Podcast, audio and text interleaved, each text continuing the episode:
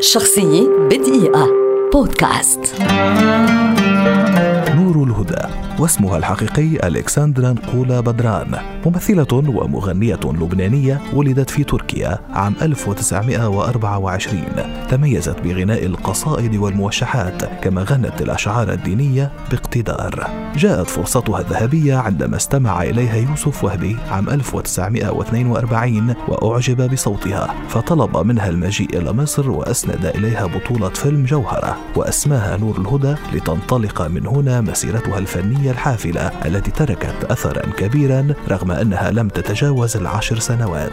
عملت نور الهدى مع عدد كبير من الفنانين مثل فريد الأطرش ومحمد عبد الوهاب ومحمد فوزي ورياض السنباطي وزكريا أحمد ومحمد القصبجي. وشهد عام 1946 ظهورا قويا لها حين وقفت تؤدي البطولة أمام موسيقار الأجيال في فيلم لست ملاكا إذ شاركت بالغناء في أربع دويتوهات أمام عبد الوهاب في سابقة لم يسبق أن حدثت في أفلامه. هذا بالإضافة إلى مشاركتها في عدد كبير من الأفلام البارزة مثل حكم قراقوش شباك حبيبي مجد ودموع أميرة الأحلام وبيرلاندي وكان لها تجربة تلفزيونية في ثلاثة مسلسلات هي نوارة الغريبان وقصر الحمراء. رغم عمرها الفني القصير جدا نجحت نور الهدى في أن تفرض نفسها كأحدى أيقونات الأوبريتات والدويتوهات الغنائية ما بين منتصف الأربعينات وحتى رحيلها المفاجئ عن مصر مع منتصف الخمسينات قبل أن ترحل عن هذه الدنيا عام 1998